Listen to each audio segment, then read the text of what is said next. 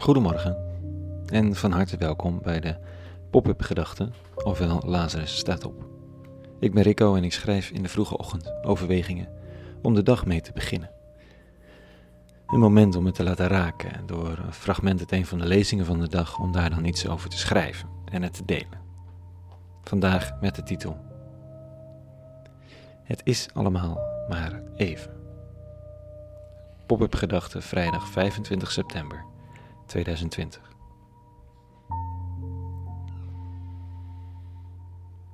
Het leven is kort. Je moet er iets van maken. Pluk de dag. Je leeft maar één keer. Dat soort ogenschijnlijke, vrolijke, ga met de banaan teksten keren zich in het leven van de meeste mensen al heel snel tegen je. Het zijn teksten die je helpen om verantwoordelijkheden te laten lopen, mensen achter je te laten, niet te zwaar in het leven te staan.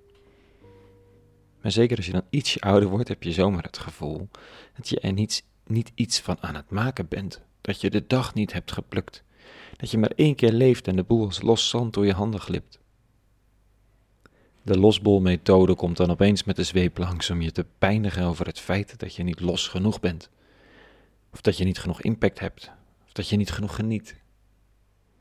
Dat kan zo pijnlijk worden dat als mensen al zeggen: geniet ervan hè, wat je dan ook gaat doen, dat je daarop reageert als een rode lap op een stier. Geniet ervan, geniet ervan. Mag ik het ook gewoon nog even een stukje uitzitten misschien? Ik ga me kapot aan het moeten genieten. Vandaag zegt een dichter, eeuwen voor onze jaartelling, in tijden waarvan wij denken dat ze nog veel langzamer gingen dan de onze, waarin digitaliteit nog een onbestaand fenomeen was en mechanisch vervoer nog verre toekomstmuziek, alles was trager, gezien vanuit ons perspectief. En toch dit schrijft hij, of zij. Wat is dan een mens, Heer? Dat u om hem geeft, een mensenkind, dat u zich om hem bekommert. De mens is niet meer dan een vleugje wind. Zijn dagen vergaan als een vluchtige schaduw. De verbazing van de dichter dat de eeuwige überhaupt zoveel interesse heeft in de mens, dat er sprake is van interactie, van wetten en voorschriften voor het goede leven, van tempels en gebruiken, van woede en frustratie als de mens faalt, van, van geluk en zegen als de mens uiteindelijk een beetje begrepen heeft. In die trage tijd begreep de dichter al lang dat mijn leven en het zijne, in het perspectief van de eeuwigheid, een vleugje wind zijn, een rimpeling, een schaduw. Daar zit niet echt dat lang levende lol, want zomaar ga je dood in, of een plukte dag. Het is een andere toon. Een besef van tijdelijkheid van het zijn in een moment. Een moment dat opflakkert en verdwijnt. Een dag kan eindeloos duren voor ons. Als je niet weet waarheen het gaat, als de spanning je te veel wordt, als mensen kritiek op je hebben of je wacht op een spannende uitslag. Als we terugkijken hoeveel van die dagen we ons herinneren, dan is, als, is het alsof de geboorte en het leven nu niet eens zo ver verwijderd zijn. Natuurlijk, doe iets goeds met de dagen die je zijn gegeven, maar geef er ook niet te hoog van op. We zijn niet het middelpunt van het heelal, nog het middelpunt van het leven. We zijn een moment, waarbinnen je steeds opnieuw kunt kiezen wat je met het beetje tijd doet dat je is gegeven.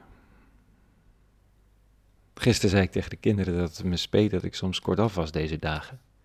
Dat er wat grote beslissingen worden gemaakt in dit huis, deze dagen. En dat het niet zo goed lukt om altijd ook rustig oog te hebben voor de momenten thuis. Onze oudste van negen vroeg of er niet anderen waren in het team, zonder kinderen, die dan deze beslissingen konden nemen. Slim. Ik antwoordde dat ik het ook belangrijk vind dat zij in een huis opgroeien waar dit soort keuzes gemaakt moeten worden, steeds. Of het nu gaat over Moria, of een woongroep wonen, of wat dan ook. Toen zei hij, ik wil dat later ook. Zo'n huis. Dat soort beslissingen maken.